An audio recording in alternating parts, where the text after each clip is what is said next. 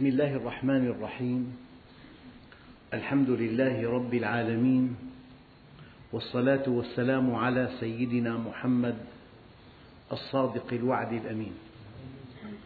اللهم أغننا بالعلم وزينا بالحلم وأكرمنا بالتقوى وجملنا بالعافية. أيها الإخوة الكرام مع الدرس السابع والعشرين من دروس سورة التوبة ومع الآية الواحدة والثلاثين وهو قوله تعالى اتخذوا أحبارهم ورهبانهم أربابا من دون الله. والمسيح ابن مريم وما أمروا إلا ليعبدوا إلها واحدا لا إله إلا هو سبحانه عما يشركون. أيها الإخوة الكرام لهذه الآية أهميتها الكبيرة لأن الأمراض التي وقع بها أهل الكتاب في الأعم الأغلب وقع بها المسلمون.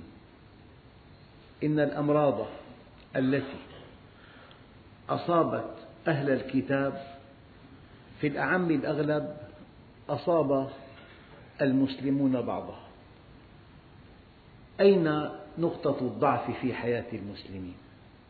ينطلق شرح هذه النقطة من أنه لا طاعة لمخلوق في معصية الخالق. أضرب لكم مثلا من عهد النبي عليه الصلاة والسلام. أنصاري على بعض من أصحاب النبي هو أميرهم لسرية. فقال هذا الأمير أضرموا نارا عظيمة فأضرموها قال اقتحموها. ألست أميركم؟ أليست طاعتي طاعة رسول الله؟ وقع الصحابة في حيرة كبيرة. هو أميرهم وأمره نافذ لكنه أمرهم أن يقتحموا النار لتحرقهم وليموتوا فيها. فقالوا إنما آمنا بالله فرارا منها فكيف ندخلها؟ يبدو أنهم لم يفعلوا لكنهم أخبروا النبي عليه الصلاة والسلام بما فعله بهم أميرهم الآن دققوا فقال عليه الصلاة والسلام والله لو اقتحمتموها لازلتم فيها إلى يوم القيامة.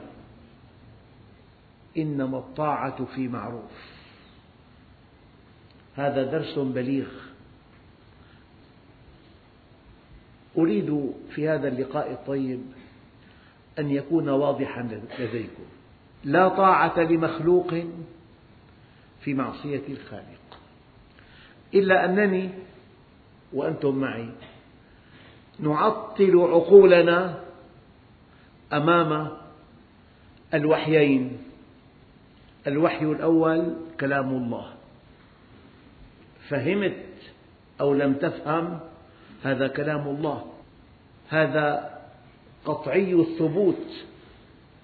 وفرق كلام الله عن كلام خلقه بل فضل كلام الله على كلام خلقه كفضل الله على خلقه.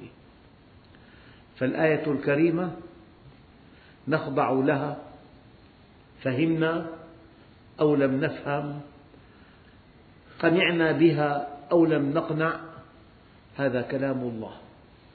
وأما المعصوم النبي عليه الصلاة والسلام معصوم من أن يخطئ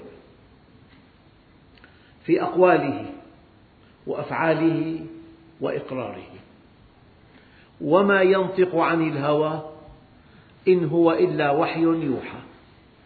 فأنا مع القرآن الكريم ليس لي اختيار ما كان لمؤمن ولا مؤمنة إذا قضى الله ورسوله أمرا أن يكون لهم الخيرة من أمرهم. يعني قد ترغب بشراء هذا البيت. قد تشتري وقد لا تشتري. شراء البيت مباح. قد ترغب في سفر.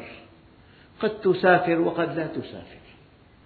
قد يعرض عليك عمل. قد تقبل وقد لا تقبل. أما حينما يأتي أمر من الله أو أمر من المعصوم من رسول الله ثبت عنه ليس لك اختيار إذا كنت مؤمنا. يعني الأمر الإلهي بوحي السماء بالقرآن والأمر النبوي وهو وحي آخر لأن الله يقول وما ينطق عن الهوى إن هو إلا وحي يوحى الأمر في القرآن وما صح من أمر في سنة النبي العدنان لا اختيار لك في تطبيقه أو عدم تطبيقه. والدليل ما كان لمؤمن أي ما كان تعد من أشد صيغ النفي. يعني مثلا تسأل واحد هل أنت جائع؟ يقول لك لا. لا. لكن لو قلت له لا سمح الله ولا قدر وهو مؤمن كبير. هل أنت سارق؟ يقول لك ما كان لي أن أسرق. هذا اسمه في اللغة نفي الشأن. يعني أنا لا أفعل السرقة ولا آمر بها ولا أرضى بها ولا أحبذها ولا أصاحب سارقا ولا ولا يمكن أن تمضي إلى أنواع لا تعد ولا تحصى من النفي. هذا اسمه نفي الشأن. فرق كبير بين نفي الحدث ونفي الشأن. هل أكلت صباحا؟ يقول لك لا. نفى الأكل. أما هل أنت سارق؟ ينبغي أن تقول ما كان لي أن أسرق. ليس من شأني ولا من طبيعتي ولا من أخلاقي ولا من مذهبي ولا أرضى به ولا آمر به ولا أقر عليه. كلما مر معكم في القرآن ما كان الله ليعذبهم وأنت فيهم مثلا. يعني مستحيل وألف ألف ألف مستحيل. أن يعذب المسلمون وفيهم سنة رسول الله مطبقة. وما كان الله ليعذبهم وأنت فيهم. وما كان الله ليطلعكم على الغيب. لو بحثت في القرآن الكريم عن الآيات التي تبدأ وما كان الله لوجدت العجب العجاب. أشد أنواع النفي بهذه الصيغة. وما كان الله ليعذبهم وأنت فيهم. فلذلك أنت حينما تقف على حكم من القرآن أو حينما تطلع على حكم من القرآن أو على حكم من النبي العدنان صح عنه ليس لك خيار في الموضوع إطلاقا. ومرة ثانية وما كان لمؤمن ولا مؤمنة إذا قضى الله أمرا أن يكون لهم الخيرة من أمرهم. هؤلاء أهل الكتاب ماذا فعلوا؟ فعلوا بخلاف هذه القاعدة. قال اتخذوا أحبارهم. أحبارهم يعني رجال الدين اليهودي وسمي الحبر حبرا لأنه يحبر الكلام ويوضحه ويفصله ويزينه. ورهبانهم. الرهبان جمع راهب. الإنسان المنقطع للعبادة. رهبانهم الرجال المنقطعون للعبادة. نعم. اتخذوا أحبارهم ورهبانهم أربابا من دون الله. يعني هل تصدق؟ أن إنسان يلتقي بإنسان من جنسه من بني جلدته يقول له أنت ربي. ليس هذا واردا لكن النبي عليه الصلاة والسلام شرح هذه الآية فقال اتخذوا أحبارهم ورهبانهم أربابا لم يعبدوهم على أنهم آلهة. ولكنهم أطاعوهم طاعة عمياء. يعني عاملوهم كآلهة. يعني مثلا لو أن امرأة طلبت من زوجها طلبا لا يرضي الله فخضع لها حفاظا على مودتها. عصى الله وخضعها. لك أن تقول إن هذا الزوج عبد زوجته من دون الله بالضبط. وما قال لها أنت إله إطلاقا. لكن لأنه آثر إرضاءها ولم يعبأ بإرضاء الله. عاملها كإله. واضح تمام. فحينما تعبد إنسانا أنت لا تقول هو إله وما كان لك أن تقول ذلك. لكنك عاملته كإله وانتهى الأمر. لذلك لا طاعة لمخلوق في معصية الخالق. أيها الإخوة ما ترك عبد شيئا لله إلا عوضه الله خيرا منه في دينه ودنياه.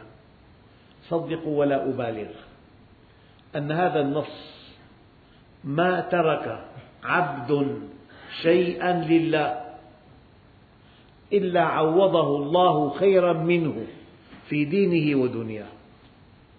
يعني أنت حينما ترى مصلحتك في هذا العمل وهذا العمل نهى الله عنه هذا العمل لا يرضي الله فحينما تركل بقدمك هذا العمل مع ما ينتظرك منه من خير مادي في الدنيا أنت بهذا أكدت أنك مؤمن.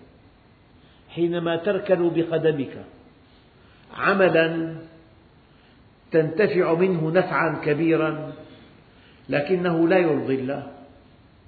لا يرضي الله. مرة حدثني أخ توفي رحمه الله قال لي استطعت أن آخذ محضر في أرقى أحياء دمشق. بنصف قيمته. قلت له كيف؟ قال لي بالمناقصة. لي ترتيبات معينة. يعني استطعت أن آخذ هذا المحضر عن طريق المناقصة بمزاودين خلفيين من طرفي واستقر الثمن على ما يساوي نصف هذا المحضر.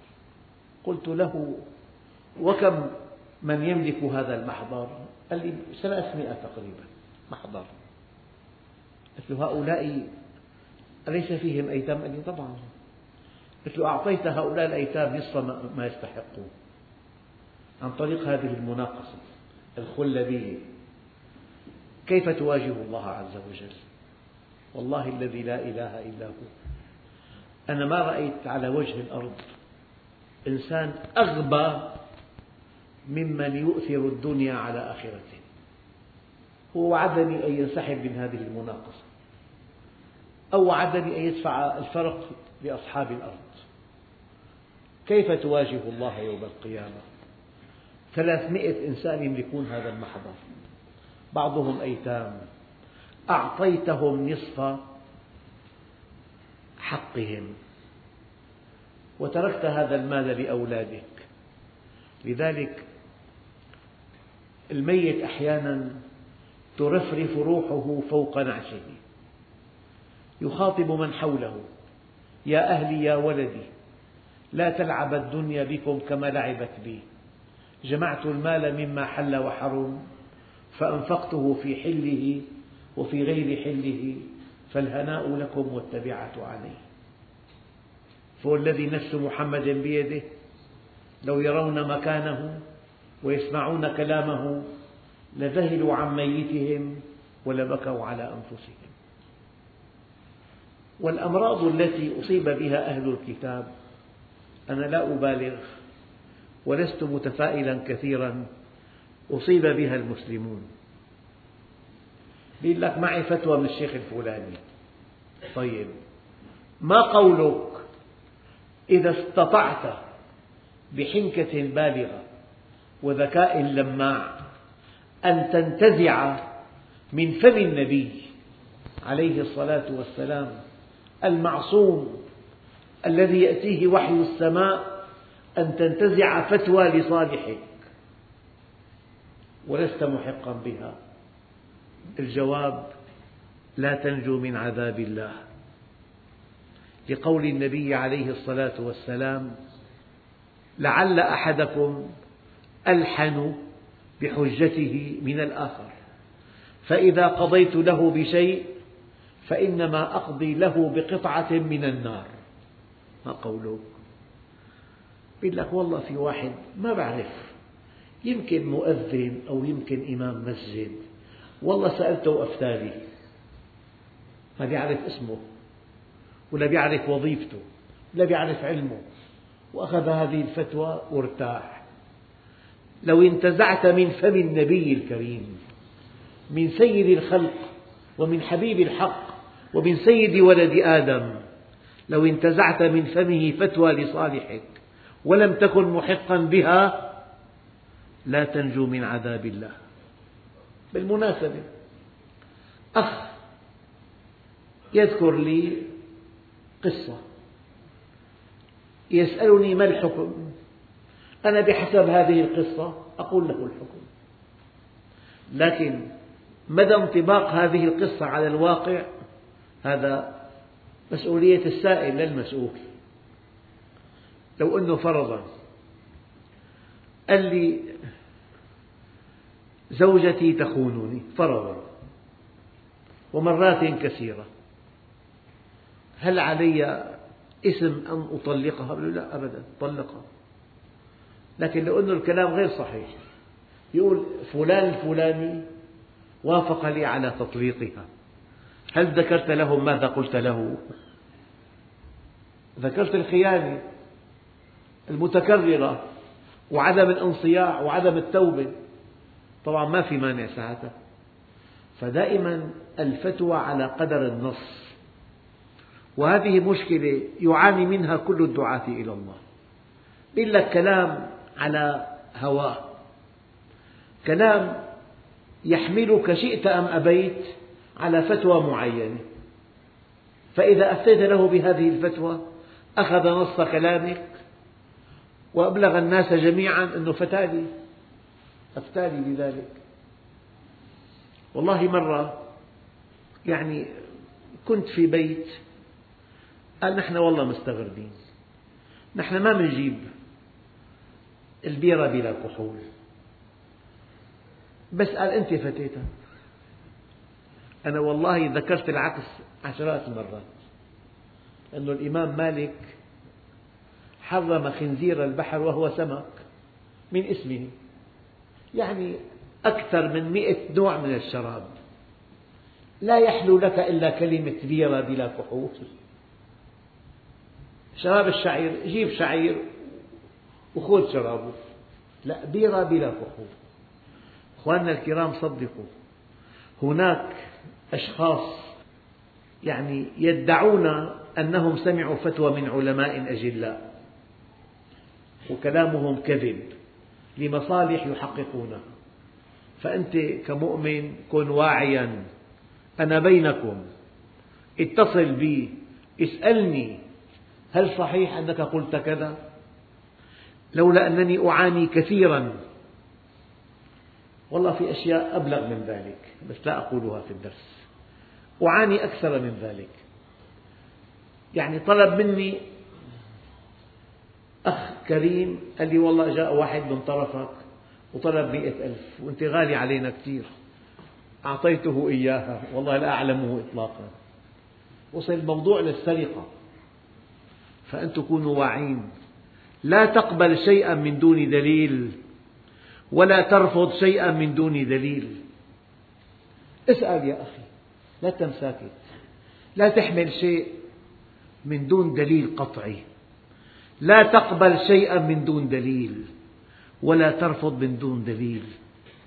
يعني في كذب في هذا العصر لا يعلمه إلا الله. اتخذوا أحبارهم ورهبانهم أربابا من دون الله. لم يقولوا إنكم أرباب أبدا لكن عاملوهم كالأرباب. أمروهم فأتمروا نهوهم فانتهوا. إذا عاملته أنت كرب. اتخذوا أحبارهم ورهبانهم أربابا من دون الله. لذلك في هذا الدين لا طاعة لمخلوق في معصية الخالق. يعني فرعون من الجبابرة لم يستطع أن يحمل زوجته السيدة آسيا على أن تعبده من دون الله. وضرب الله مثلا للذين آمنوا امرأة فرعون. إذ قالت رب ابن لي عندك بيتا في الجنة ونجني من فرعون وعمله. ونجني من القوم الظالمين. هذا موقف. فلا طاعة لمخلوق في معصية الخالق.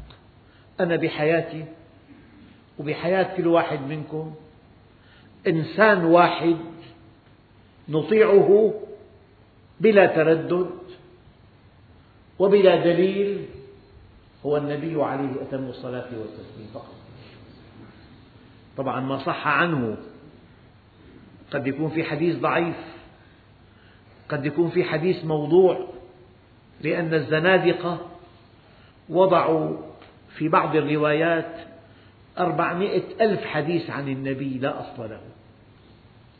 فلا بد من أن تتأكد من صحة الحديث. يعني أنت مع القرآن مكلف أن تفهم ماذا أراد الله بهذه الآية. وبعدها تطبق أمر الله. لكن مع الحديث أنت مكلف بمهمتين. مع القرآن لأنه قطعي الثبوت أنت مكلف بمهمة واحدة. لكن مع الحديث لأنه ظني الثبوت في أحاديث غير صحيحة في أحاديث موضوعة. كل الناس هلك إلا العالمون. ماشي. أو العالمون هلك هلا أن كل الناس هلك إلا العالمون أو العالمون هلك إلا العاملون. ماشي.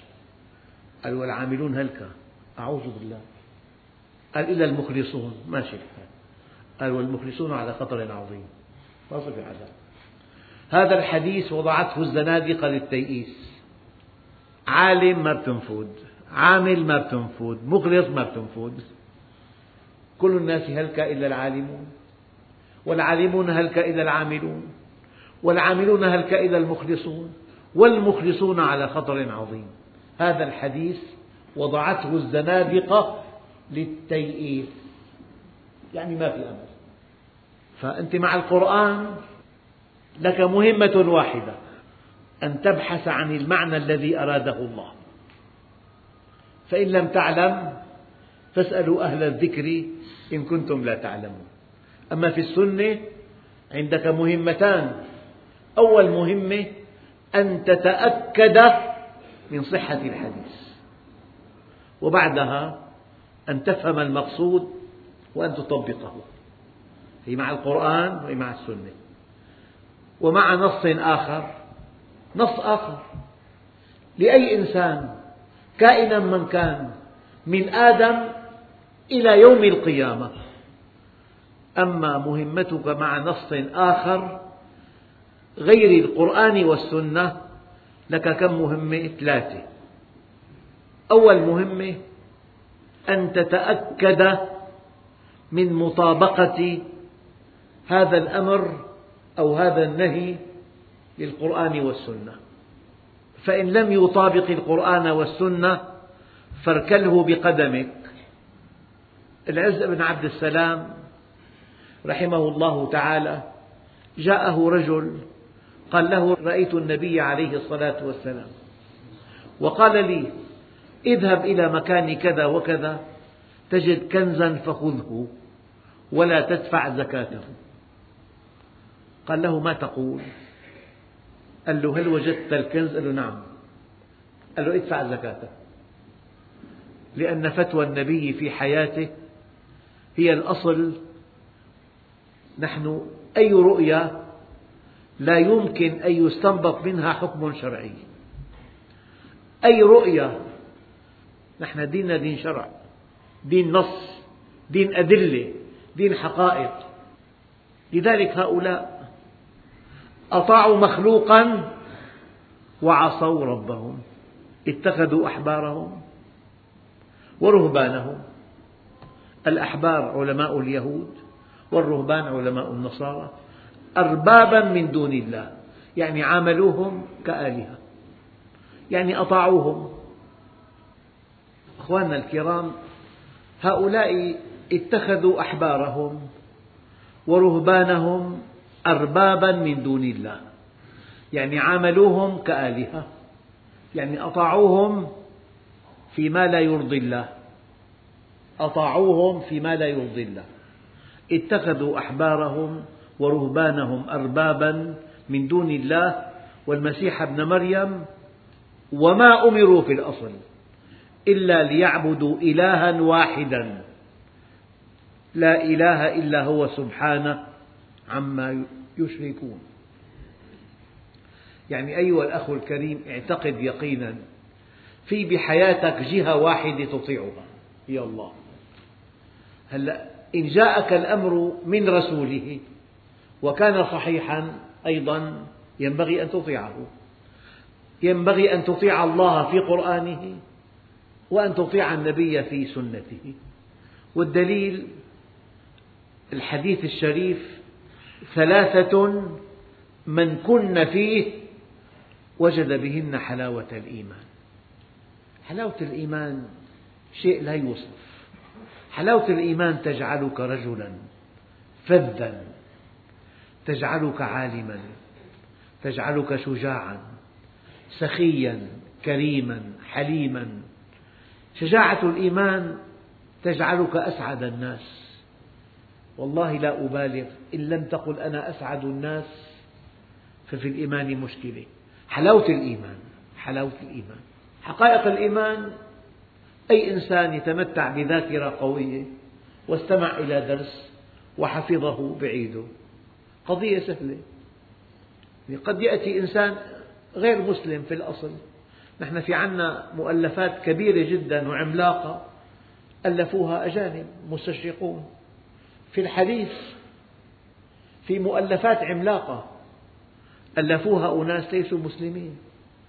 لذلك قضية اتخذوا أحبارهم ورهبانهم أربابا حينما تخضع لإنسان من دون دليل لا يعنيك أن كلامه يوافق الشرع أو لا يوافقه لكن مصلحتك معه. بكل بساطة وبكل جرأة أقول لك أنت اتخذته ربا. اتخذته ربا. ما دمت قد أطعته وعصيت الله. ولا سيما أن صحابيا للتقريب له امرأة طلبت منه حاجة لا يملك ثمنها. فلما ألحت عليه قال لها اعلمي أيتها المرأة أن في الجنة من الحور العين ما لو أطلت إحداهن على الأرض لغلب نور وجهها ضوء الشمس والقمر. فلأن أضحي بك من أجلهن أهون من أن أضحي بهن من أجلك. لا طاعة لمخلوق في معصية الخالق. هلا بتقول لي لو فرضنا لا سمح الله ولا قدر الشيخ يعني قال لك اعمل شيء لا يرضي الله. برضاي عليك ساوي هيك. طبعا في قصص تروى مضحكة. الواحد نزل لقبره جاءه ملكان فتلقى الملكان ضربة أخرجتهما من القبر. قيل لهما أمثل هذا يسأل هذا من تلاميذي. كلام مرفوض خرافات خزعبلات ترهات أباطيل. النبي عليه الصلاة والسلام قل إني أخاف إن عصيت ربي عذاب يوم عظيم. من هو؟ سيد الخلق وحبيب الحق. قل إني أخاف. إن عصيت ربي عذاب يوم عظيم. قل لا أعلم الغيب. ولو كنت أعلم الغيب لاستكثرت من الخير. وما مسني السوء. هذا مقام النبوة. فلذلك أريد أن أؤكد. طالب بالدليل. لا تقبل شيئا من دون دليل. مثلا قاطع أختك. قد يقول لك الأب ذلك. غضب من ابنته. أراد أن يؤدبها قال له قاطع أختك من دون دليل. ماذا فعلت؟ ما فعلت شيئا. لكن أرادت أن تقيم أمر الله في بيتها. وأنت ألفت خلاف ذلك فغضبت عليها فأمرت ابنك أن يقاطع أخته. ما لا تتحرك من دون دليل. لولا الدليل لقال من شاء ما شاء. هذا كلام ملخص هذا الدرس. اتخذوا أحبارهم ورهبانهم أربابا.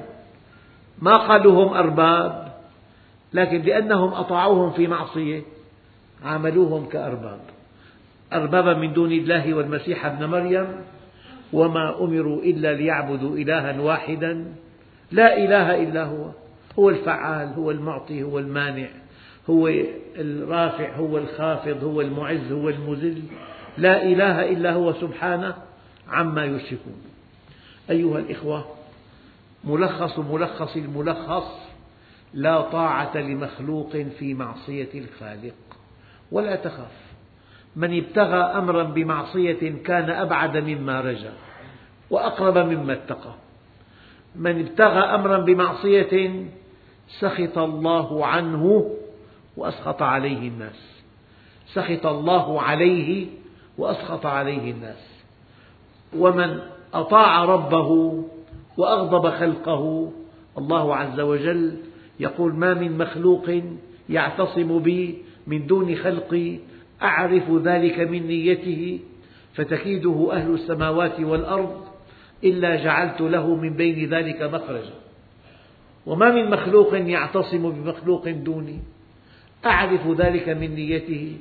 إلا جعلت الأرض هويا تحت قدميه وقطعت أسباب السماء بين يديه الآية اتخذوا أحبارهم ورهبانهم أربابا من دون الله. والمسيح ابن مريم وما أمروا إلا ليعبدوا إلها واحدا. لا إله إلا هو سبحانه عما يشركون والحمد لله رب العالمين.